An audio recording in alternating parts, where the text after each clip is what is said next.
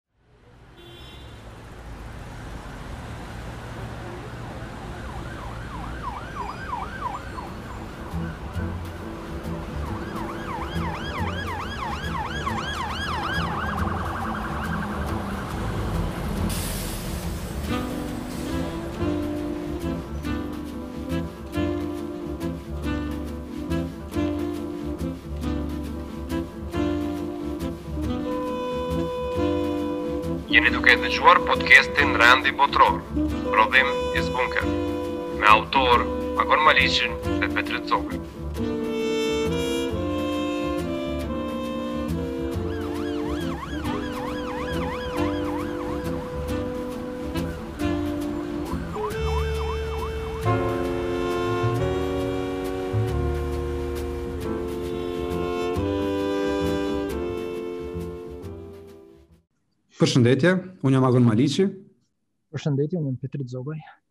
Mirë se vini në episodin e 5 të podcastit tonë uh, Rendi Botror, ku sot për temë e kemi Gjermaninë. rolin e Gjermanisë në Evropë, në botë, po veçanërisht edhe me një fokus të veçantë natyrisht në Kosovë. Uh, si mysafir sot e kemi doktor Faruk Ajetin. Uh, doktor Ajeti është bashkëpunëtor shkencor në Institutin Austriak për Marrëdhënie Ndërkombëtare në Vjenë. Ai ka mbaruar studimet master dhe të PhD-së pra doktoraturën në Institutin e Shkencave Politike në Universitetin e Vjenës. Uh, gjatë vitit 2019-2020 ka qenë visiting scholar në i fondacionit austriak të planit Marshall në shkollën e studimeve të avancuara ndërkombëtare pra Universitetin SAIS Johns Hopkins në Washington DC në postdoc ku është marrë me temën SHBA-t, Evropa dhe rendi i ri global. Doktor Ajeti ka botuar një sërë artikuj studimor për realitetet e transformimeve që po ndodhin në skenën ndërkombëtare dhe sfidat ndaj marrëdhënieve transatlantike. Pra, domethënë prej përvojës dhe njohurive që i ka, domethënë është është një mysafir që përputhet plotësisht me me me me temën sot me veçanërisht me Gjermaninë, po edhe me edhe me reflektimet më të gjera botërore. Mirë se vjen Faruk. Faleminderit për ftesën dhe i gëzohem këtij debati me juve pa pamje por vetëm me zë. Ëh, mirë se vjen Faruk. Kënaqësia është e jona. Ëh, e kemi zgjedhë këtë temë, mendoj në momentin shumë të duhur. Ëh, domethënë nuk ka nevojë me theksu shumë gjatë peshën dhe rolin e Gjermanisë në Evropë veçanërisht. Ëh, si fuqia dhe motori ekonomik, por edhe politik i BE-së. pesha e së cilës padyshim është rritur edhe më shumë me daljen e Britanisë prej Bashkimit Evropian.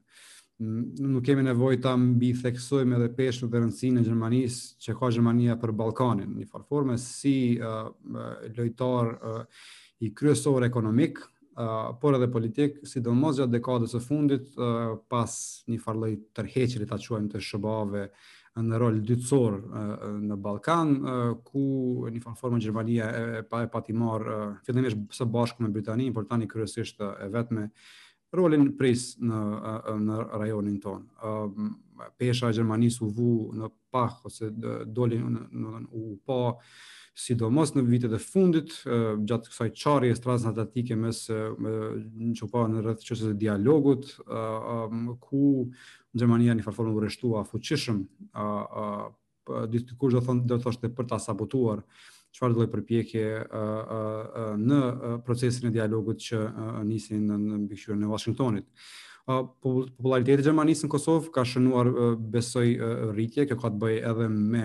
shkëmbimet e mëdha tregtare me numrin e madh të diasporës që ka Kosova në në Gjermani, së voni në anketën për liderin më të preferuar në botë, Angela Merkel në Kosovë gëzonte mbështetjen e 66% të popullsisë së Kosovës, do të thotë ishte lideri shumë kështu më i popularizuar ndërkombëtar, i dyti pas saj ishte Erdogani me 14, domethënë është bindshëm ka qenë gjatë këtyre viteve lideri a, a, a, më i preferuar ndërkombëtar, kjo besoj ka të bëjë pak edhe me faktin që në SHBA ka qenë presidenti Trump, Por sido qoftë, kjo e tregon një farë lloj peshën dhe rëndësinë që e ka Gjermania në opinionin publik kosovar, si në anketa tjera gjithashtu del si aleati, domethënë, pothuajse i barabartë me SHBA-të në kuptimin e perceptimeve si lojtar pozitiv. Edhe kjo nga anketa e, e Qendrës Kosovare për Studime të Sigurisë. uh, momenti është i mirë për të folur për Gjermaninë, sepse uh, tani Gjermania ndodhet në një farë udhëkryqi. Uh, ky është viti i fundit i Angela Merkel në pushtet. Uh, strukturalisht uh, elektorati gjerman uh, po shkon uh, drejt uh, rritjes së mbështetjes së par, ndaj partisë së Gjelbër, e cila do të bëhet me gjasë një ndër faktorët kryesorë në qeverinë e ardhshme. ndërkohë që kemi edhe zgjedhjen e liderit të ri të partisë së Angela Merkel të CDU-s, Armin Laschet, nëse e lexova saktë, nëse e shqiptova saktë, i cili tani këtë javë do të thotë e mori timonin dhe për cilin ka pikëpyetje së voni rreth mendimeve dhe bindjeve të tij në politikën e jashtme. Pra, po e fillojmë diskutimin në katër shtylla, së pari duke folur për rolin e Gjermanisë brenda BE-së, ku padyshim me daljen e Britanisë, ai balanci mes tre fuqive kryesore, Francë, Britani dhe Gjermani, ndryshoi dhe kemi pa një farë lloj kthimi të një farë lloj tensioni gjermano-francez, rreth asaj se si do duket BE-ja, domethënë kërkesave, kërkesat e Francës për një farë lloj reformimi brenda BE-së, pasojat e kësaj çarjeje gjermano-franceze i kemi pa edhe ne në Ballkan me me me me vonesat në, në zgjerim të cilat kanë qenë kryesisht si si rezultat i i i domethënë i hezitimit të Francës, Gjermania ka qenë në fakt mbetet shtetin më i interesuar për thellimin e integrimit të, të rajonit. Faruk, këtu po vijmë tash te, domethënë, te, si kishe artikulu ti këtë politikën gjermane në raport me BE-në në këtë moment, do thotë, a është uh, ky tensioni me Francën uh, i zgjidhshëm, uh, cilat janë interesat, si si do të kishë definuar interesat ose pozicionet kryesore, çka dëshiron të shohë uh, Gjermania, domethënë në këtë krizën e brendshme të BE-s, çfarë lloj transformimi, ndryshimi apo dëshiron ta mbajë pak a shumë gjendjen siç është? Atëherë, pozicioni gjerman brenda BE-s mund të ndahet në dy faza. Faza e parë për mendimin tim paraqet angazhimin gjerman që nga krijimi i Bashkimit Evropian, pra nga Komuniteti Evropian për Qymyr dhe Çelik që u themelua në vitin 1950 e deri në ribashkimin gjerman, që ka ndodhur në tetor të vitit 1990, dhe faza e dytë fillon me ribashkimin gjerman e vazhdon deri në aktualitet. E përbashkëta e këtyre dy fazave, sipas mendimit tim, është angazhimi i politikës gjermane, pavarësisht se kush e ka udhëheq qeverinë po mendoj qeverinë federale gjermane, qoftë partitë e majta apo të djathta, domethënë parimi ka qenë për normalizimin e politikës së jashtme dhe të brendshme gjermane në raport jo vetëm me fqinjët gjermanë por edhe me integrimin gjithnjë më të fuqishëm gjerman brendapërbrenda strukturave euroatlantike po këtu kam fjalën për BE-në dhe për NATO-n por edhe në vitet 70-ta KSBE OSBE-ja ka qenë, pasur shumë rëndësi. Në këtë drejtim Gjermania ka qenë edhe mbetet një forcë shtytëse e integrimit evropian, por edhe një motor i fuqishëm ekonomik. Ë uh, do të thoja si asnjë shtet tjetër evropian apo edhe për shkak të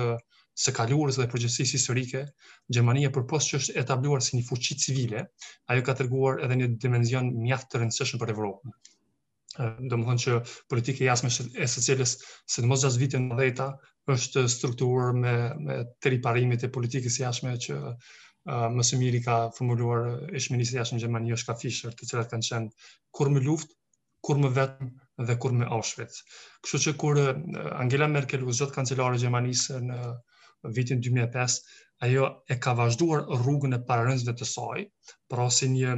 nën thonjëza, si një konstante e thellimit të integrimit gjerman brenda strukturave evropiane. Dhe do të thoja që kjo konstante gjermane ka ndikuar në përforcimin e stabilitetit evropian. Ëm uh, ju e përmendën me Francën e Gjermaninë, e Francën, Gjermaninë edhe edhe Britaninë e Madhe. Realisht për disa dekada këto kanë qenë trinomi kryesor i Unionit Evropian, të cilat uh, asnjë proces do të thoja i rëndësishëm nuk mund të, të avancohej. Ajo që dallon nga kjo treshe është fakti se UK ose Britania e Madhe historikisht ka ndjekur një politikë si të them, më hezituse në, në raport me pjesën kontinentale, por në anën tjetër, e kemi parë dhe jemi dëshmitarë dhe tani që Berlini dhe Parisi kanë luajtur rol prijës, duke u pajtuar edhe për bartjen apo për ose koncepti më i mirë që përdoret në BE është transferimi i kompetencave nacionale në në drejtim të, të Brukselit. Një garë do të thoja brenda shteteve të BE-s ose brenda Gjermanisë, Francës dhe Britanisë, sigurisht që ka ka pasur në të kaluarën, por edhe në të ardhmen sigurisht që do të ketë, por do të thoja që ky ka qenë si një rezultat i një procesi uh, mjaft të natyrshëm për dominim politik dhe ekonomik. Por edhe në faza të caktuara, themi historike pas viteve 60-70-ta, gara është zhvilluar ose gara për dominim është zhvilluar në rrafshe tjera. Për shembull, kur ndikimi i valutës gjermane, Deutsche Mark në Evropë vetëm se forcohej dita ditës, kjo është parë me shumë frikë, sidomos në Francë tani të Madhe. Dhe e njohur është ajo, ajo thënia franceze se bomba atomike për gjermanët është realisht Deutsche Mark. Prandaj tendencat edhe të Britanisë edhe të Francës një kohë kanë qenë që Gjermania duhet të integrohet sa më shumë në një sistem themi unitar evropian, e që më vonë çoi domosdoshmërisht te, te krijimi i monedhës të përbashkët evropiane, ose gjatë viteve tetëdhjeta, Po ashtu kur kërkesa austriake për anëtarësim në atë kohë në në komunitetin evropian është po ashtu e njohur përmes asaj shprehjes së presidentit francez François Mitterrand i cili thotë se po po e parafrazoj përafërsisht i cili thotë se në qoftë se Austria anëtarësohet në BE, atëherë do të kemi një dominim gjerman. domethënë me, me tri shtete gjermane duke i duke aluduar në Gjermaninë lindore dhe dhe perëndimore, por edhe gjatë viteve të, të mëvonshme ka pasur përpjekje për dominim apo më mirë themi konkurrencë ndërmjet Berlinit dhe Parisit, po edhe ndërmjet për shembull aktorëve kryesorë Merkel, Sarkozy apo me, me Hollande apo tani me, me presidentin Macron. Dhe dy-tri fjali sa i përket Britanisë Madhe, unë mendoj që dalja e Britanisë Madhe është një lajm i keq jo vetëm për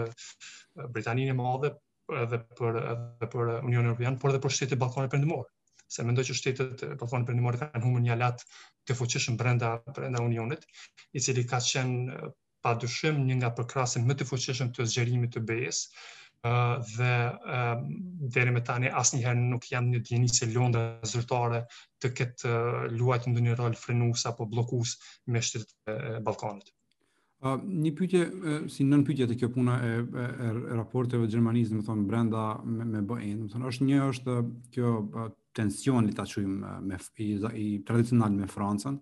Mirëpo ekziston eh, viteve të fundit, dekadave të fundit eh, një thellim i një farë lloj çarje veri jug brenda BE-s, në qendër të cilës qëndron Gjermania dhe një farë lloj kritike dhe vërejtje që vjen prej vendeve të jugut, për një farë lloj ngurtësie e Gjermanisë, e përmendet faktin që Franca dhe disa dhe Britania kanë kërkuar një farë lloj Franca sidomos një farë uni, unitariteti më të madh ë ë ë do të thotë madje edhe një farë unioni fiskal do të thotë brenda po. BE-së dhe kjo është një prej pikave kryesore të tensionit. A ta merr mendja që uh, kjo lloj çarja që është kriju mes jugut dhe veriut, uh, ku në thelb qëndron uh, faktikisht ekonomia, uh, uh, dhe rezistenca në Gjermani, uh, që në një farë forme kjo, tre, kjo um, unioni monetar të shoqërohet edhe me union fiskal, pra ku uh, shpërndarja të bëhet, domethënë, uh, që një farë lloj hezitimi për ta për t'i shpërnda uh, resurset, uh, për t'i uh, domethënë, subvencionu, apo për t'i uh, mbulu krizat e, e, e, e zakonshme të jugut, A ta merr mendja që kjo është një tension shumë i madh që, që ka për ta vu ndoshta BE në një në një krizë të, të përgjithshme, domethënë u pa një herë me krizën greke në vitin 2010 e ma vonë deri në 2013-2014, vlen zakonisht edhe me Italinë tani por edhe me Spanjën me me borxhet e, e vende e vendeve të jugut. A është kjo diçka, a është kjo ndoshta pika kryesore e tensionit apo ka edhe elemente tjera që janë problematike për Gjermaninë në BE? Them se kjo ndarja veri jug është vetëm një nga segmentet ose një nga dimensionet e ndarjeve të thella që ndodhen që, që po ndodhen realisht jo vetëm në BE po në botën perëndimore. Ë uh, nëse flasim për ndarjen veri jug, kjo që realisht ekziston edhe në shkenca politike që ndan në nivelin global ndërmjet veriut dhe jugut. Kjo realisht më së miri paraqitet edhe edhe në Evropë, ku themi vendet veriore ose nordike shquhen për një për një mirëqenie më të theksuar dhe kjo vërehet më së miri gjatë kohës së së së pandemisë, por unë mendoj që Bashkimi Evropian në tërësi do thoja që pas vitit 2008-2009, domethënë kur ka kur u shfaq edhe kriza um, ekonomike ose eurokriza, që njihet ndryshe në, në, në zhargonin gazetaresk, uh, ballafaqohet me, me probleme nga më të ndryshme, qoftë karakterit ekonomik, qoftë politik, dhe një nga to nëse flasim për të ardhmen është ende nuk po dihet se ku është e ardhmja dhe ose cilë është caku i, i Unionit Europian. Pra në këtë drejtim, uh, uh, jo vetëm në raportet transatlantike, por po edhe raportet brenda, brenda BE-së, uh, jemi duke që numri i sfidave e po rritet. Në rafshin ndërmjet të garës ndërmjet Gjermanisë apo Francës ose Macron Merkel, ne e pamë që ky binom politik brenda për brenda BE-së është realisht dominues. Dhe kjo më së miri u shfaq edhe më 30 dhjetor të vitit kaluar, kur gjatë konferencës, video konferencës së përbashkët me presidentin kinez, përpos kryetares ose presidentes së Komisionit Evropian dhe dhe presidentit të Këshillit Evropian ishin të pranishëm vetëm kancelarja gjermane dhe presidenti francez. Dhe kjo e, e do të thoya e proklamon më së miri se kush e ka vulën brenda për brenda BE-së. Po, parugo, uh, do të thosha një uh, raport ose një një marrëdhënie më interesante uh, e Gjermanisë është në në me Shtetet e Bashkuara të Amerikës ose raporti transatlantik. Ëm um, kemi parë që sidomos në katër vitet e fundit në kohën e qeverisë së presidentit Trump ka pasur një relacion sikur të t'acarum mes këtyre dy shteteve, pra mes Gjermanisë dhe dhe Shtetet e Bashkuara të Amerikës, për disa arsye, por që ndoshta të rëndësishme ato më, më në pah kanë qenë uh, ta zemi ta, ta themi uh, insistimi i Shteteve të Bashkuara të Amerikës që Gjermania duhet të kontribuojë shumë më shumë uh, në mbrojtjen uh, për në, përmes NATO-s, pra në mbrojtjen uh, e përbashkët dhe rritjen e, e shpenzimeve të, të GDP-së nga nga 1 pikë diçka në më shumë se sa 2. Pra ka qenë insistim edhe ndoshta në kohën e Obamës, por që është vënë theksi shumë më shumë në kohën e presidentit Trump që Gjermania do duhet të kontribuojë shumë më shumë në mbrojtje. Uh, dhe jo vetëm kjo, kemi parë që edhe relacionet uh, ekonomike thuajse kanë qenë të tensionuara, ndoshta edhe për shkak të uh, një ideje ide që në SHBA flitet shumë më shumë, një ideje që SHBA aktualisht është do të thotë në kuptimin e energjisë është i pavarur në kuptimin që prodhon edhe eksporton shumë më shumë, por që ka edhe një tendencë të eksportit të gazit në Evropë. Dhe Gjermania ka një projekt me me Rusinë Nord Stream 2-shin që pak a shumë e, e, e tensionon edhe shumë më shumë raportin mes uh, Gjermanisë dhe Shteteve të Bashkuara të Amerikës. Ky raporti transatlantik me të cilin uh, jeni marrë farok edhe uh, para një viti e ca. A uh, ku e pozicionon Gjermaninë ndoshta uh, në Evropë aktualisht e dobëson kët kët fuqi gjermane brenda BE-s duke ditur që Gjermania ka një raport të tensionuar me me Shtetet e Bashkuara të Amerikës apo uh, apo krijon një farë lloj uh, ideje që megjithatë Gjermania është duke dashur të mbrojë pak a shumë interesat gjeoekonomike, ta themi ashtu, uh, evropiane. Si, si e sheh uh, këtë raport, um, këtë, uh, këtë tension mes uh, SHBA-së dhe Gjermanisë? Falemderit Petrit për këtë për këto pyetje realisht të cilat janë shumë të rëndësishme, por po mundohem që të jem më më konciz ngaqë secila prej tyre do të thoja është temë në vete për për një për një podcast. Ëm um, raportet uh, sidomos të kancelarës Merkel me presidentin Trump realisht brenda këtyre katër viteve kanë qenë të veçanta, ngaqë presidenti Trump ka ndjekur një politikë ndryshe në raport me paraardhësit e vet, duke vënë në dyshim edhe raportet transatlantike ose duke kërcënuar aleatët evropianë me sanksione, duke i tërhequr një pjesë të ushtarëve amerikanë të stacionuar në Gjermani pa paralajmëruar realisht paraprakisht Gjermaninë. I famshëm është edhe ai takimi i parë ndërmjet Merkel dhe Trump ku megjithë thirrjen e gazetarëve për një handshake, presidenti Trump heziton. Pra, me fjalë të tjera kanë qenë raporte mjaft komplekse me Washingtonin, por që kanë ndikuar që globalisht Merkel të fitojë pikë si lidera më e preferuar globale, saqë po ashtu e njohur edhe thënia e John Kerry gjatë një ceremonie të ndarjes së titullit honoris causa për Merkel, nëse s'gaboj në Amerikë ka qenë, kur thotë se sa mirë është të udhëhiqesh nga një lidere që nuk ka Twitter. Besoj që e keni përcjellur edhe reagimet gjermane pas sulmit në në Kapitol. ë uh, realisht bartësit e institucioneve kryesore gjermane kanë reaguar menjëherë dhe të parët do të thoja du, duke dënuar sulmin sikurse presidenti Steinmeier, kancelarja Merkel dhe ministri i jashtëm ë ë Heiko Maas dhe ë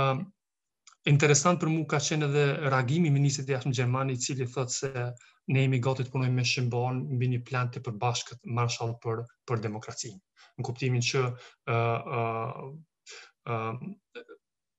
numri i shteteve autoritare ose totalitare vazhdimisht po rritet dhe Evropa po po kufizohet në njëfarë mënyre nga shtete që janë autoritare dhe dhe instabile dhe instabiliteti i tyre realisht po ndikon edhe në në destabilitetin evropian. Ëm e përmendët edhe çështjen e çështjes së 2% të të të obligimeve që secili shtet anëtar i NATO-s, të shpenzimeve duhet të duhet t'i përmbushë. Realisht kritikat amerikane, sidomos ndaj Gjermanisë dhe shteteve të tjera evropiane që nuk i kanë përmbushur me vite të tëra uh, këto këto zotime, kanë filluar me sa me sa kam parë dhe lexuar, kanë filluar me, me presidentin George W. Bush. Mirëpo edhe gjatë presidentit uh, gjatë dy dy mandateve të presidentit gjatë dy mandateve të presidentit Obama, um, ai përmes kanaleve diplomatike ë i ka bërë thirrje vazhdimisht evropianëve që t'i përmbushin kriteret e, e tyre. Mirëpo kur edhe pa, pastaj presidenti presidenti Trump në mënyrë themi jo diplomatike dhe jo konvencionale edhe i ka kërcënuar realisht partnerët e, e NATO-s që deri me tani ka qenë e, e, e paimagjinuar. Çështja tjetër që ju prekët është çështja e energjisë, ë përkatësisht e tendencave gjermane dhe disa shteteve evropiane që të blejnë gazin nga Rusia. Ëm deri me tani Nord North Stream 2 kanë kanë ndërtuar pjesën më të madhe të të të tubacionit të themi të gazit dhe kanë mbetur pak kilometra deri tek deri tek brigjet gjermane. Ë, siç e dimë administrata e presidentit Trump i ka vendosur sanksione të gjitha kompanive ruse dhe evropiane të cilat janë duke punuar në ndërtimin e tubacionit, disa nga ato janë kompani gjermane dhe dhe zvicerane dhe austriake. Dhe tani, nëse s'gaboj paradje ose pardje ishte edhe reagimi zyrtar i Kremlinit, i cili tha se um, pavarësisht sanksioneve amerikane, ne do ta dërgojmë, do ta përfundojmë punën e, e, e tubacionit të gazit. Kjo është e para. Elementi i dytë është se deri me tani nuk ka sinjal nga presidenca Biden që këto sanksione do të hiqen. Dhe elementi i tretë është shqetësimi edhe i që ka qenë i, i administratës së së administratës së Trumpit edhe të Bidenit, është se nëse ky tubacion i gazit realizohet, atëherë do të ndikojë në dobësimin e raporteve transatlantike. Në ç'kuptim, ngaqë varshmëria e Gjermanisë dhe e shteteve evropiane në raport me gazin rus do të rritet. Por në anën tjetër, Po, po, pra, po, po, pra po thoni që ai ai ai postulati i pas luftës së dytë botërore që Gjermania do të do duhej të ishte poshtë Amerika brenda dhe Rusia jashtë mund të prishet pas pas 7 ose më shumë dekadash uh, për shkak të këtij edhe edhe kësaj gare të të gjeoekonomike ta ta ta themi ashtu. Pra është një postulat që shihet nëpër literaturë të ndryshme që ideja krejt e BE-së dhe NATO-s është që Gjermaninë ta mbajmë sa më shumë poshtë Amerikën ta mbajmë brenda brenda aleancës euroatlantike dhe Rusinë jashtë me idenë që Rusia po po promovon do të thotë me ide gjeoekonomike kryesisht po provon ta kontrollojë ta ta rrisë uh, sferën e interesit brenda BE-s dhe me këtë garën për gas edhe në mes SHBA-s dhe uh, dhe Rusisë për tregun evropian po po mendon që mund të do, mund të vazhdohet dobësimi i këtyre raporteve edhe me, me administratën e re? Kjo do të jetë një një pikë, themi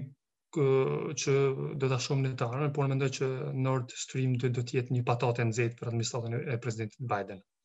nga i cili siç e përmenda ende nuk ka zëra se do të hiqen sanksione ndaj ndaj kompanive që që pritin me, me ndërtu uh, gazsjellësin. Uh, dhe argumenti amerikan kundër Nord Stream uh, është i bazuar për mendimin tem në në në faktin e rritjes së varshmërisë gjermane dhe evropiane ndaj Rusisë, domthonë argumenti i cili i cili qëndron. Por ajo që për mua mbetet e pakuptimtë është themi gjykimi negativ i administratave amerikane ndaj Nord Stream, por që njëjtin qëndrim nuk e kishin ndaj Turk Stream. Në në njërën anë, e kritikon ndërtimin e tubacionit të gazit të Nord Stream dyshit, dhe në anën tjetër, Turk Stream vetëm sa, vetëm sa dita ditës po, po futet në drejtim të, të, të Hungarisë. Uh, unë mendoj që këtu e sqarove shumë mirë postulatin e pasluftës dytë botërore që që u zhvillu që duhet ta mbajmë Gjermaninë të të të kontrolluar. Unë mendoj që me kalimin e vitës viteve politika gjermane ka tregu stabilitet brenda për brenda, jo vetëm NATO-s, po edhe brenda për brenda OSBE-s edhe, edhe Bashkimit Europian. Kështu që në raport me rolin destruktiv rus, jo vetëm Gjermania, por edhe Shtetet e Bashkuara të Amerikës janë përgaditura. Po është e vërtetë që në Gjermani ekzistojnë rryma, sidomos nga e majta, të cilat kanë një qasje, të themi, ma më um, më miqësor në raport me me me me Rusinë. Um, Gjermania është e njohur për një politikë të jashtme, e cila uh, sidomos pas Luftës së Dytë Botërore është përpjekur që përmes uh, politikës ish kancelarit Willy Brandt dhe dhe arkitektit të, të uh, Ostpolitikës Egon Egon Bahr që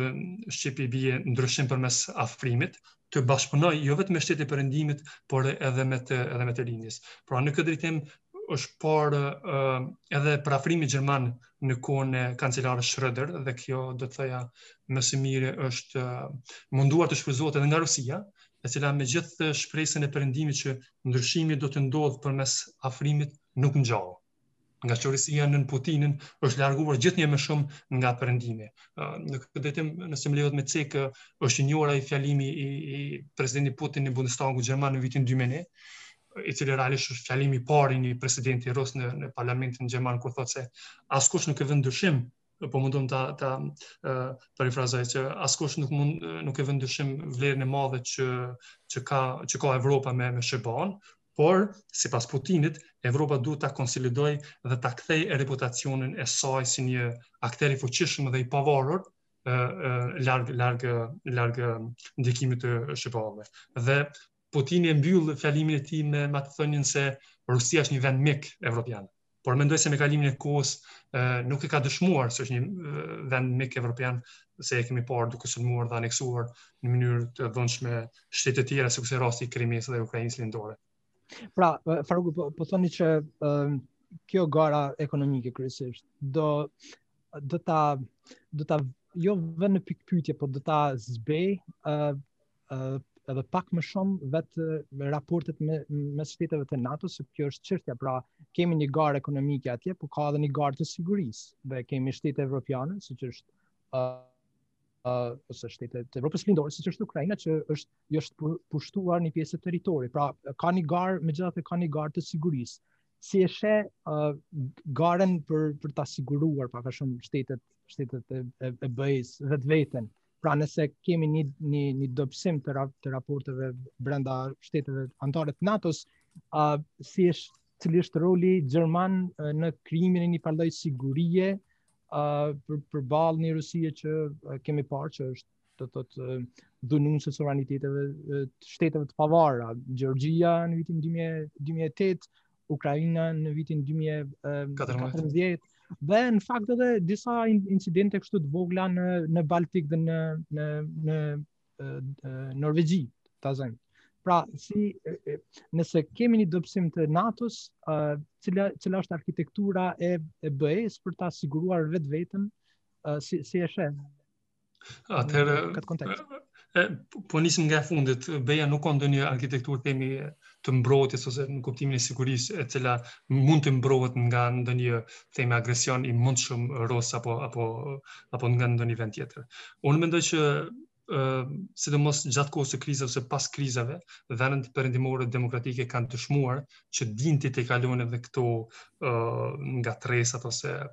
garën ekonomike ose politike ndërmjet tyre, për t'u bashkuar dhe edhe për të qenë më të fuqishëm përballë uh, aktorëve themi jo, jo perëndimorë. Jam shumë optimist se uh, themi edhe ky roli destruktiv i Rusisë, po edhe ngritja e jashtëzakonshme e Kinës do të ndikojnë që shtetet uh, perëndimore, me qasje demokratike, të përafrohen njëra me tjetrën. Se si do të duket kjo arkitekturë e sigurisë nuk e di, por uh, mund të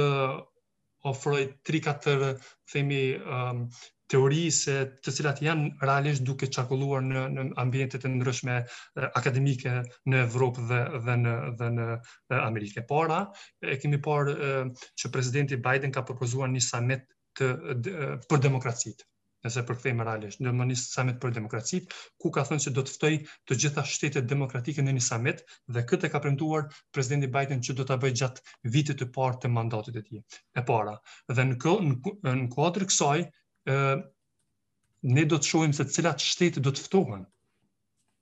në kuptimin se cilat shtete presidenti Biden dhe administrata e tij do t'i gjykojnë vërtet që janë demokratike. Propozimi i dytë ka ardhur para një kohë nga Britania e Madhe, e cila ka bërë thirrje për një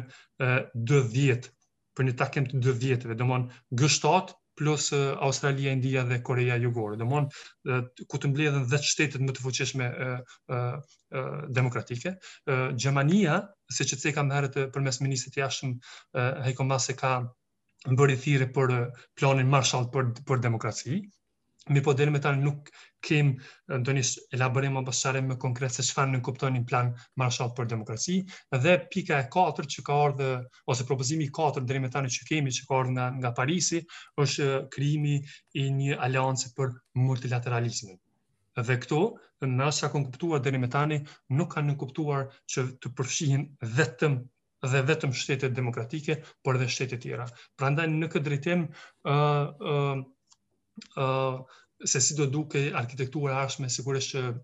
nuk mund ta them ngase është një terren në të cilin nuk mund të nuk mund të kemi fakte se, se si do duket, po vetëm mund të mund të bëjmë analiza dhe dhe parashikime, por besoj që përballë këtyre katër propozimeve të deritanishme, besoj që çfarëdo samiti i cili ka të bëjë për demokracinë dhe për forcimin e demokracive në në nivel global, unë mendoj që është më e mira e, që mund të ndodhë për këtë për këtë Mhm. Faleminderit Faruk, tash tamam, po mundemi me, me kërcy te një, domethënë, shumë ndërlidhet kjo tensioni transatlantik mes SHBA-ve dhe dhe Gjermanisë, i cili tani është në domethënë një kontekst me administratën Biden është në rrethana më të favorshme, por megjithatë po. strukturalisht mbeten disa pika tensioni dhe tani po, pak të thellohemi te kjo çështja e aktorëve të jashtëm, domethënë është një farë tendence për, domethënë, kjo nisme për konsolidimin e demokracive që e përmendi Haas. Franca në anën tjetër po mundohet me shty këtë idenë e autonomi, domethënë, strategic autonomy, autonominë strategjike, domethënë që Evropa megjithatë ta krijojë një farë lloj, domethënë, të mos llogarisë më në afat të gjatë në SHBA-n, por ta ketë një farë lloj autonomie brenda marrëdhënieve transatlantike dhe ky është një debat pak kështu konfuz shpesh konceptual të cilin po e shtyn sidomos Franca. Ë uh, Agon, nëse më lejohet vetëm po. këtu të ndërhyj se e, e, e përmende shumë mirë. Ë që nga ardhja në pushtet e presidentit Macron, ë ai ka lënë të kuptohet se është një nga lojtarët kyç evropian dhe pa vulën e, e realisht të tij është vështirë të realizohet një proces ose një projekt i madh evropian. Dhe kjo u shpërfaqë më së miri tek caktimi i personave në pozitat kyçe evropiane ku Macron u, u rreshtua kundër kundër gjermanit Weber. Dhe në këtë drejtim Macron edhe me veprime dhe me deklaratat që edhe ti ceke më herët, shpesh ka qenë në qendër të të vëmendjes sikurse ë që ka propozu për krijimin e një ushtrie të vërtetë evropiane, me idenë që fuqitë autoritare po fuqizohen duke krijuar aleancat e tyre, ndërsa ne evropianët nuk mund të mbështetemi tutje vazhdimisht nga SHBA-ja për, për sigurinë tonë. Dhe në këtë drejtim absolutisht ke të drejtë. Po, po, po tani desha të dal, domethënë që njëfarë forme ka një farë hezitimi nga nga Gjermania për këtë ide, ata megjithatë e shohin NATO-n si si infrastrukturë, si domethënë arkitekturën kryesore të sigurisë, mirëpo mbetet një farë një farë forme një farë lloj shqetësimi që do të mundohem ta artikuloj tani, i atyre që janë mbështetës të, të transatlanticizmit, domethënë të, të, të NATO-s, mbi të gjitha, me pozicionin e Gjermanisë. Siç e artikulova që Gjermania një farë forme e sheh veten një pak si një farë lloj balansuese, domethënë. Edhe e, e ka një farë lloj uh, hezitimi për t'u bërë aktor kështu më agresiv në politikën e jashtme. Uh, uh, kjo pak buron besoj nga përvoja historike, domethënë Gjermania, trauma e luftës së dytë botërore dhe e projektit vetë, projekteve të veta imperiale, domethënë e, e ka e, e ka e ka instaluar një farë do të një farë pacifizmi, një farë një farë hezitimi për t'u bërë lojtar agresiv i sigurisë. E dyta është kjo ideja e një farë nevojës për të balancuar me Rusinë dhe me shpesh herë dhe me marrë me të mirë që ekziston kryesisht te e majta. Ë uh, mirë po në tjetër po, po ndodh edhe një farë le ta quajmë ndryshimi strukturor edhe brenda shoqërisë gjermane, ë që ka të bëjë, viteve të fundit me edhe me në anketa del shpesh herë Rusia, ë kjo natyrisht ishte e kushtëzuar edhe me Trumpin, domethënë dilte Rusia shpesh herë e përafërt ose edhe më popullore, më e afërt me Gjermaninë, domethënë në anketa se se SHBA-t, do të thotë, nëse kjo po po flasim për shoqërinë në tërësi dhe kjo pastaj besoj mund të reflektohet edhe në politikë. Ëm tani sot e pashë një anketë tjetër të kjo këtë paneuropiane ku në pyetjen në vendet e Evropës se në, në rast të një tensioni ose konflikti mes SHBA-s dhe Kinës, kujt ia mbani anën pjesa dërmuese e evropianëve thonë që mbesen mbeten neutral, jo vetëm Gjermania, po e, e, e gjithë Evropa. Pra, ndërkohë që kemi këtë rritjen e, e Kinës dhe Rusisë, dhe dhe kemi SHBA-n në njëfarë forme shumë sidomos tash Biden shumë të fokusuar në në kundërshtimin e këtyre e kemi një hezitim le ta quajmë europian për ta marrë një qasje pak më agresive. Desha me potencu që tani tani ndoshta meqë po flasim për Kinën dhe Rusinë tani me Rus, faktikisht me Kinën u pa një tension në qysh tash përveç Nord Streamit me Rusinë, u pa një tension në, marrëdhënie mes Gjermanisë dhe Evropës në përgjithësi me SHBA-t edhe me marrëveshjen për investime me Kinën,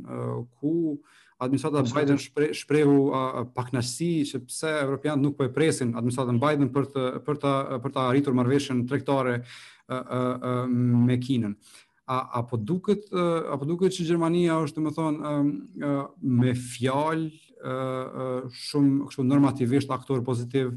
mirëpo si lojtar i sigurisë transatlantike është më hezitus se ç'duhet për t'iu kundërvënë Kinës dhe Rusisë? Atëherë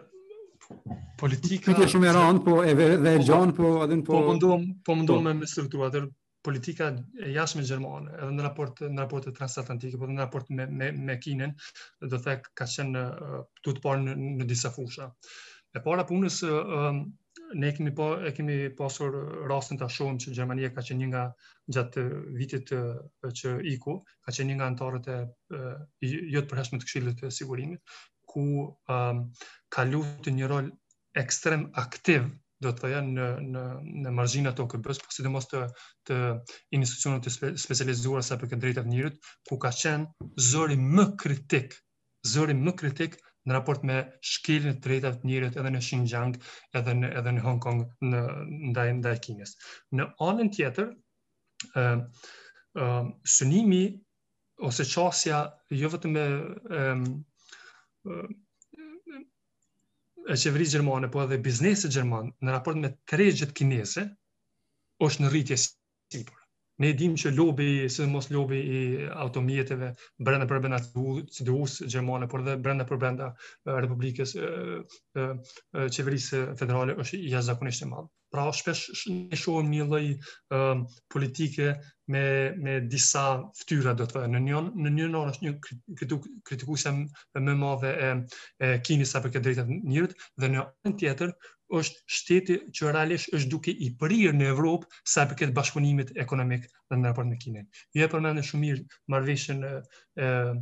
e për investime të përgjithshme që u nënshkrua para pak kohësh dhe realisht unë kam qenë shumë kritik dhe mbetem shumë kritik se si Unioni Europian deri para pak ditëve kritikonte presidentin Trump për qasjen në raport me në raport me Evropën, duke mos e konsultuar dhe tani ndodh në njëfarë mënyre një qasje tjetër të cilën nuk e kemi parë nga Evropa, në kuptimin që nënshkruan marrëveshje me Kinën pa u konsultuar paraprakisht ose të paktën të presin edhe disa ditë derisa të, derisa të vijnë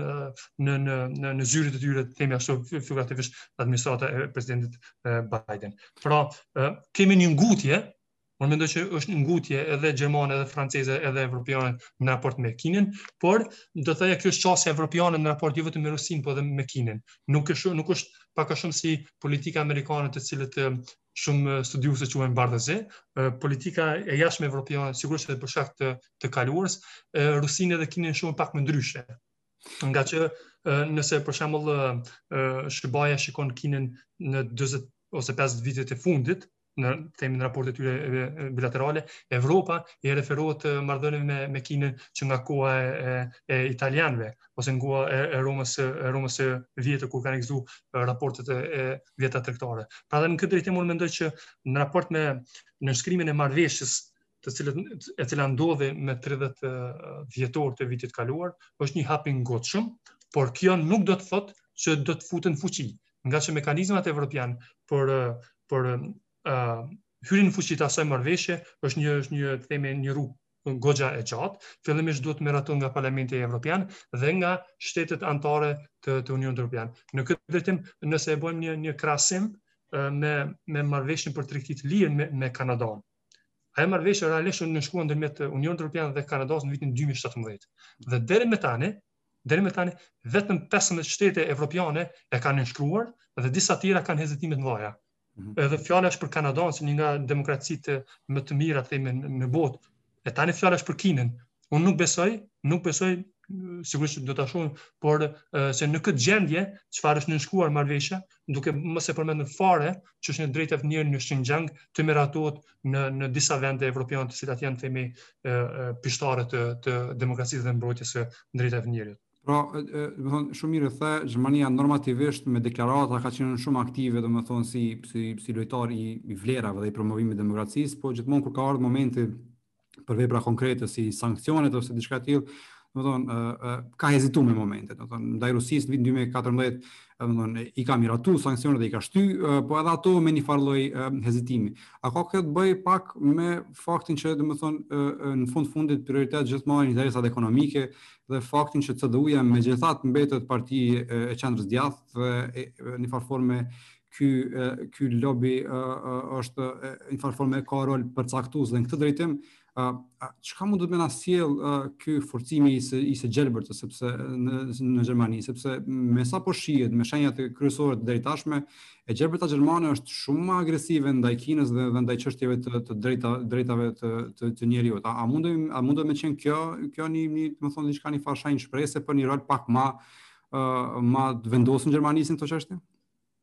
Uh, absolutisht. Um, ju po e cekët më herët çështjen e interesave themi ekonomike përballë interesave tjera. Fatkeqësisht ekzistojnë ende. Mirëpo besoj që edhe Gjermania e ka dëshmu edhe me çështjen e Bosnjës edhe me intervenimin e parë në Kosovë pa miratim të, të Këshillit të Sigurimit. Vjen në një moment të caktuar që e thojnë enough is enough. mos ta harrojmë që e përmenda edhe edhe më herët që çështjen e, e tri parimeve të politikës së jashtme gjermane, kurrë më vetëm, kurrë më luftë dhe kurrë më kurrë më Auschwitz. Çfarë do të thotë kjo? kurrë më Auschwitz. Do të thotë që na për momentin kemi një shtet diktatorial në botë, e cila është Kina, fatkeqësisht, e cila fatkeqësisht deri më tani flitet që minimumi janë 1 milion njerëz të në kampe të ndryshme që ata e quajnë kampe të ndryshme trajnimi, por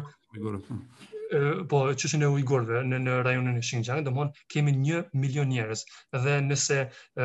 pjesa më e madhe e tyre janë të detyruar të punojnë në punë të ndryshme pa vullnetin e tyre, me javë dhe me muaj të tërë duke mos i parë familjet e tyre, atëherë ku po mbetin nga ky parim i politikës jashtme gjermane? Mm -hmm. Dhe në, ju e përmendët po ashtu me të drejtë ngritjen e të, të e partisë së gjelbër uh, gjermane, uh, unë un mendoj që ka një, ka një logikë këtu. Ngaqë uh, partitë uh, e, dy partitë tradicionale, ose si, siç quhen ndryshe dy partitë e mëdha gjermane ka një kohë që janë duke qeverisur uh, vendin, dhe në anën tjetër partitë e gjelbëra e kanë e kanë kanë qenë shumë të suksesshme në ngritjen e, e prioriteteve të tyre, jo vetëm në raport me pandeminë dhe klimën, por edhe në raport me çështjen e të drejtave të njeriut. Ngaqë jemi, themi dëshmitarë që numri i shteteve është duke u rritur fatkeqësisht që globalisht janë duke duke shkelur normat dhe standardet ndërkombëtare. Prandaj në këtë drejtim edhe edhe për çështjen e e, e pavarësisë themi ushtarake dhe ekonomike gjermane dhe evropiane edhe këto luajnë ndikim tek tek tek tek e majta. Një një pyetje të fundit për këtë punën e, e Rusisë dhe Kinës. Ajo që më shqetësoi shumë sot në fakt është një artikull që ka dalë në Der Spiegel, të cilin e gjeta me një koment shoqëruar nga Wolfgang Munchau, që ka qenë korrespondent, opinionist i Financial Times dhe është komenton shumë për çështjet europiane. Edhe po flet për këtë liderin e ri të CDU-së Armin Laschet. Edhe po lexoj tweetin e tij, po thotë, është një grup i politikanëve gjermanë që janë në xhep të Kremlinit, si Gerhard Schröder. Kjo ka qenë gjithmonë kështu, edhe e ditur.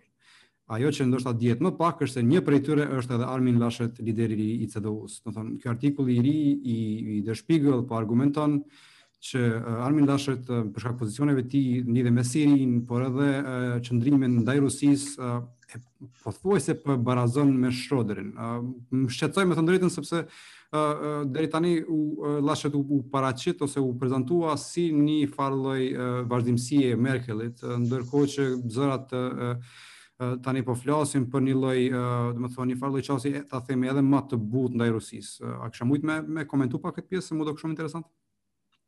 Po, jo, unë nuk mendoj që mund të vendosen në të njëjtin nivel ish kancelari Schröder dhe dhe Armin Laschet. Ndaj të njëjtin nuk ndaj të hmm. të njëjtin mendim, të cilin tweetin e të cilit ju e lexuat. E para, e dyta, Laschet u zgjodh kreu themi i CDU-s, por nuk ende nuk dihet a do të jetë kandidat për kancelar. Po. Nga që, nga që, nga që partia simotër ose partia aleate e, e, e CDU-së, CSU-ja, ka mundësi që ta qesë për kandidat, ose ta propozojë për kandidat e, e, kryeministrin e, e Bajernit, Söder, i cili në, në gjitha anketimet e deritanishme, qëndron me disa pikë para para Laschet, dhe mos i themi kancelari më shumë i preferuar i, i gjermanëve. Dhe mhm. pastaj pavarësisht se kush kandidohet themi nga nga Unioni CDU CSU, varet shumë edhe krijimi i aleancës ose i krijimi i, i koalicionit qeverisës. Mhm. Nga që nga që ë ë Söder nuk është shumë ithtar i krijimit të koalicioneve me të, me të majtën, por gjithçka pastaj është çështje e numrave. Po. Pavarësisht që pavarësisht që um, nuk është e themi partia e gjelbër e preferuar shumë e tij, uh, do të jetë tekefundit në fund të fundit numrat ata të cilat do ta do ta uh, përcaktojnë se kush me kënd mund të mund të bëjë koalicion. Mm -hmm. Uh, atëherë, po kalojmë ndërsa te çështja e fundit, për të cilën sigurisht na intereson uh, goxha shumë, është uh, çësht, raporti gjerman-Ballkan, ose Gjermanisë me, me Ballkanin, ose uh, i influencës uh, gjermane në Ballkan. Para pak po shihja shihja një, një hartë, uh, se cilat janë gjuhët më të preferuara në gjashtë shtetet e Ballkanit Perëndimor dhe uh, dilte që ishte gjermanishtja uh, për për arsyen e vetme që uh, Ballkani uh, në në 4-5 vitet e fundit ka shërbyer si një uh, një opsion më i lehtë gjerman për t'i dhënë tazëm uh, për të dhënë viza pune uh, njerëzve që në Ballkan janë uh, janë duke kërkuar punë dhe për të shkuar në Gjermani. Pra uh, është një një qasje goxha shumë praktike gjermane në raport me uh, me emigracionin ë po. uh, uh, thjesht uh, krahu punëtor i njerëzve të Ballkanit janë janë uh, në atë drejtim. Pra duke duke uh, marrë kurse gjermane duke uh, uh, duke uh, ushtruar pra gjermanishten në mënyrë që të, të ketë shumë ta kenë shumë të lehtë në në tregun gjerman të punës. Ë uh, po ashtu që nga viti 2014 procesi i Berlinit ka qenë si një pikë reference e gjashtë shteteve të Ballkanit Perëndimor. Ë uh, Gjermania ka qenë uh, pikë reference për gjithçka. Nëse i shohim edhe edhe takimet e liderëve të Ballkanit Perëndimor me kancelaren uh, Merkel, uh, pra ka ka qenë një tendencë kështu uh, në në në 6-7 vitet e fundit në rritje që Gjermania është ai shteti ku ne duhet të drejtohemi dhe Merkel është liderja me të cilën ne duhet të bashkëpunojmë dhe të mbështesim uh, uh, të të, të mbështetemi në në gjithë iniciativën e saj. Pra, uh, kjo kjo qasje gjermane në raport me Ballkanin Perëndimor, ë uh, prej atyre problemeve ekonomike që i ka Ballkani Perëndimor me procesin e Berlinit që tentoi t'i adresoj, po jo edhe jo edhe si duhet. A çfarë çfarë do të nënkuptonte tash ndryshimi i lidershipit ndoshta uh, në në Gjermani, çfarë uh, do të nënkuptonte për Ballkanin Perëndimor, ai ndryshim atje dhe sa ishte i suksesshëm, uh, sa ishte e suksesshme iniciativa e Merkelit dhe Gjermanisë në, në raport me procesin e Berlinit, në raport me me pajtimin pra që ishte ideja e pajtimit mes shteteve Ballkan mes Kosovës dhe, dhe Serbisë ndoshta edhe me me me Bosnjën. Si e sheh në në këtë rrafsh Faruk kët kët idenë që Gjermania ishte aliatja kryesore e e Ballkanit. Absolutisht. Unë mendoj që pavarësisht se kush do të jetë nesër kancelari i ri, unë shoh një konstate, konstante të politikës së jashtme gjermane në raport me Ballkanin dhe në raport me Ballkanin Perëndimor. Ë të gjitha vendet e Ballka, Ballkanit Perëndimor kanë do të thoja një afinitet të bashkëpunimit me Gjermaninë dhe angazhimi gjerman uh, është parë dhe shihet me sy të mirë në Ballkan. dhe kjo nuk ka të bëjë vetëm me themi me dimensionin politik dhe ekonomik, por edhe me lidhjet kulturore edhe njerëzore që ekzistojnë ndërmjet uh, Ballkanit Perëndimor dhe Gjermanisë. Uh, me këtë peshë do thoja politike dhe ekonomike që ka Gjermania sot në Evropë dhe ndej, roli i saj në Ballkan është është i kërkuar. Edhe realisht edhe sikur ajo të mos dëshirojë të angazhohet, ë thjesht roli i saj është i kërkuar. Dhe kjo sigurisht ë që është parë në këto 15 vitet e fundit, që lidhet me me atë që e quajta me, me një politikë të jashtme stabile, që ka qenë themi e më së miri e personifikuar nga nga kancelarja gjermane. ë Pas vitit 2010 janë dy faktorë sipas përshtypjes time, këtë e kam jam munduar të, të shpjegoj në analiza të ndryshme, janë, janë dy faktorë që kanë ndikuar në një konkretizim të strategjisë gjermane, por edhe të Bashkimit Evropian në raport me Ballkanin Perëndimor. Dhe këto dy këta dy faktorë janë të lidhur me ndikimin e aktorëve jo evropian ose jo jo perëndimor më mirë themi. E para është krijimi i 16 plus 1-shit ose iniciativës 16 plus 1 nga ana e Kinës në vitin 2012 dhe elementi i dytë mjaft i rëndësishëm është aneksimi i Krimesë në vitin 2014. Dhe kjo dhe sidomos e para, ka ndikuar në hartimin e strategjisë që sot njihet si procesi i Berlinit për për Ballkanin Perëndimor. Dhe që të jemi të saktë për për përdorimin e termit Ballkan Perëndimor, po është me rëndësi të ceket se ky nocion u përdor për herë të parë në samitin e, e Bashkimit Evropian në Vjenë në vitin 1998, kur Austria ka udhëhequr presidencën e Bashkimit Evropian për herë të parë. Dhe se sepse vazhdimisht në mediat tona përmendet jo e ka përdorur këtë, jo këtë, por realisht edhe në edhe në një nga punimet e mia kam cek që për herë të parë edhe kam gjetur në në në një dokument austriak që për herë të parë koncepti Ballkan Perëndimor është përdorur në vitin 98. Dhe ky koncept ka pasur dy kuptime, kuptimin gjeografik dhe politik. Gjeografik, domethënë kanë kuptuar ish republikat jugosllave dhe Shqipërinë, dhe politik, ngaqë të gjitha këto vende kanë perspektive evropiane që më vonë edhe u rikonfirmu me samitin e Feiras në vitin 2000 dhe atë të Selanikut 2003. Dhe pyetja që e ngritët se çka është procesi i Berlinit. Atëherë procesi i Berlinit realisht u inicu nga Gjermania dhe nga Britania e Madhe me rastin e 100-vjetorit të të fillimit të luftës së parë botërore në samitin e Ballkanit Perëndimor, që u mbajt në në korrik 2014 në Dubrovnik. Dhe ky realisht është një projekt i përbashkët i i i Komisionit Evropian dhe i 14 vendeve të Bashkimit Evropian.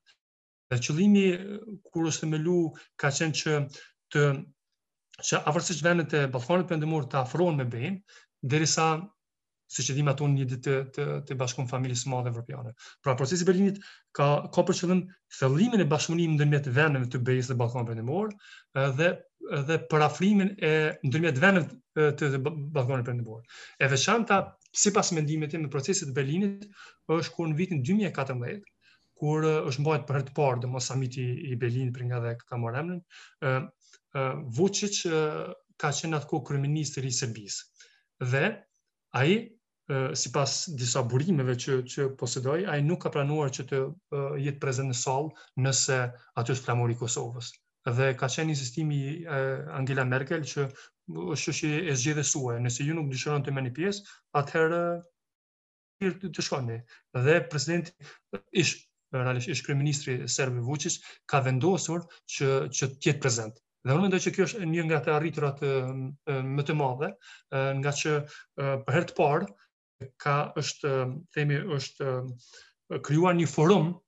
për vendet e Ballkanit Perëndimor kur ë politika e themi edhe e detyrimit gjerman në raport me me me Serbinë ka ka funksionuar. Pra po flisni për për procesin e Berlinit sikur ai proces po vazhdon ende, edhe është i gjallë, është diçka që ka me ka me ka me shku tutje, ndërkohë që ka edhe iniciativa tjera rajonale siç është mini Schengen geni, pra, a, a ndeshen këto dyja, apo janë, thjesht e njëjta gjë me emna të ndryshëm, apo, si, sepse jo. sepse pra procesi i Berlinit sikur uh, nëse ka pasur qëllim uh, edhe ndërlidhjen ekonomike mes shteteve të të Ballkanit Perëndimor, po edhe për një për një farë ide të pajtimit politik mes Kosovës dhe Serbisë, si, si duket nuk është në në sipërfaqe aktualisht, pra po ndërkohë që kemi një iniciativë tjetër që është mini Schengeni, pra është një iniciativë që ka filluar në Novi Sad, në Serbi, ka po. vazhduar në Maqedoni dhe në në në Shqipëri. A janë e njëjta gjë apo a, apo jo? Sipas përshtypjes time nuk janë e njëjta gjë, sepse siç e ceka ideja edhe formimit ose krijimit të procesit të Berlinit, nuk ka qenë ide themi e Ministrisë së Punëve të Jashtme gjermane, por ka qenë ide e që ka lind nga kabineti i kancelarës Merkel. Domthon është është vepruar me me sa kom pa ë ë i pavarur nga nga nga Ministria e Jashtme gjermane. Por atë fuqi dhe atë potencial dhe atë pompozitet që e ka pas nga viti 2014 e këndej, procesi Berlin nuk e ka ma. Draft plan që për investime për Ballkanin Perëndimor që ka propozu Komisioni Evropian ka bërë të ditur se synon të investojë deri në 20 miliard euro gjatë kësaj dekade në në në rajon dhe këto investime sipas këtij draft plani do të fokusohen në disa sektorë, duke përfshirë infrastrukturën rrugore, energjinë, mbrojtjen e ambientit, pas investime për ndërmarrje të vogla dhe të mesme, digjitalizimin, pastaj programe për të rinj, ndërsa uh, iniciativa e mini Schengenit uh, nuk uh, nga shumë analistë shihet shihet si si uh, paralele me procesin e, e Berlinit që nuk i nuk i ban uh, konkurrencë. Kështu që politika e jashtme gjermane dhe procesi i Berlinit uh, nuk uh, nuk pengon asnjë projekt, qoftë politik ose ekonomik, e cila apo i cili mund të shpijë në një në përafrimin e vendeve të, të Ballkanit Perëndimor. Kur u mbajt në vit samiti i, ose procesi Berlin në Vjenë në 2015 ku kam qenë vetë prezent, janë arrit disa marrëveshje. Pastaj në vitin 2016 në Paris, 2017 nëse s'gaboj ka qenë Triest, në 2018 në Londër, uh, 2019 kanë qenë në, në, në Poznan të Polonisë, uh, në 2020-ën është bashkë organizu prej Bulgarisë dhe Maqedonisë, 2021 ende nuk, e, nuk kam ndonjë informacion se ku do të organizohet, pra me fjalë të tjera, um, uh, sipas përshtypjes time e ka humbë, ose nuk e ka atë tempon dhe pompozitetin që është nisë në vitin 2014. Atëher, uh, Faruk, po e përmbyllim këtu, uh, të falënderojmë shumë për një, domethënë, e mbulum një territor uh, kështu shumë të të madh të gjerë të temave, domethënë, uh, fillum prej uh, politikës gjermane në, domethënë, brenda BE-s, uh, raportet me Francën, uh, vazhdum me raportet transatlantike, problemet e sigurisë, uh, sfidën e Kinës, Rusisë dhe në fund erdhëm knej më afër shpisë uh, te Ballkani. Të gjitha këto për për afërsisht një orë nuk është punë e lehtë, po besoj që përgjigjet mua më duken jashtëzakonisht interesante dhe shumë informuese. ë duke pas parasysh, domethënë edhe edhe, edhe shumë të rëndësishme duke pas parasysh mbi të gjitha peshën e Gjermanisë në Evropë, po edhe faktin që Gjermania mbetet megjithatë është një prej mbështetësve ma të mdhaj të të shtetësisë së Kosovës. Që Faruk më mbetet vetëm me të falënderu shumë për pjesëmarrjen. Ju falenderoj edhe unë juve për ftesën, besoj që ka qenë një bashkëbisedim i, i mirë dhe kemi arritur t'i përmbushim të themi ato um, um, uh, synimet ose edhe, edhe çfarë um, uh, dëgjuesit, dëgjuesit e juve dëshirojnë, kështu që na presin sfida të mëdha gjatë këtij viti. Kemi zgjedhje në Gjermani, zgjedhje në Kosovë, pastaj zgjedhje në rajon, kështu që shpresoj që të kemi prapë mundësi edhe për për biseda të tjera. Faleminderit shumë. Faleminderit fort. Faleminderit.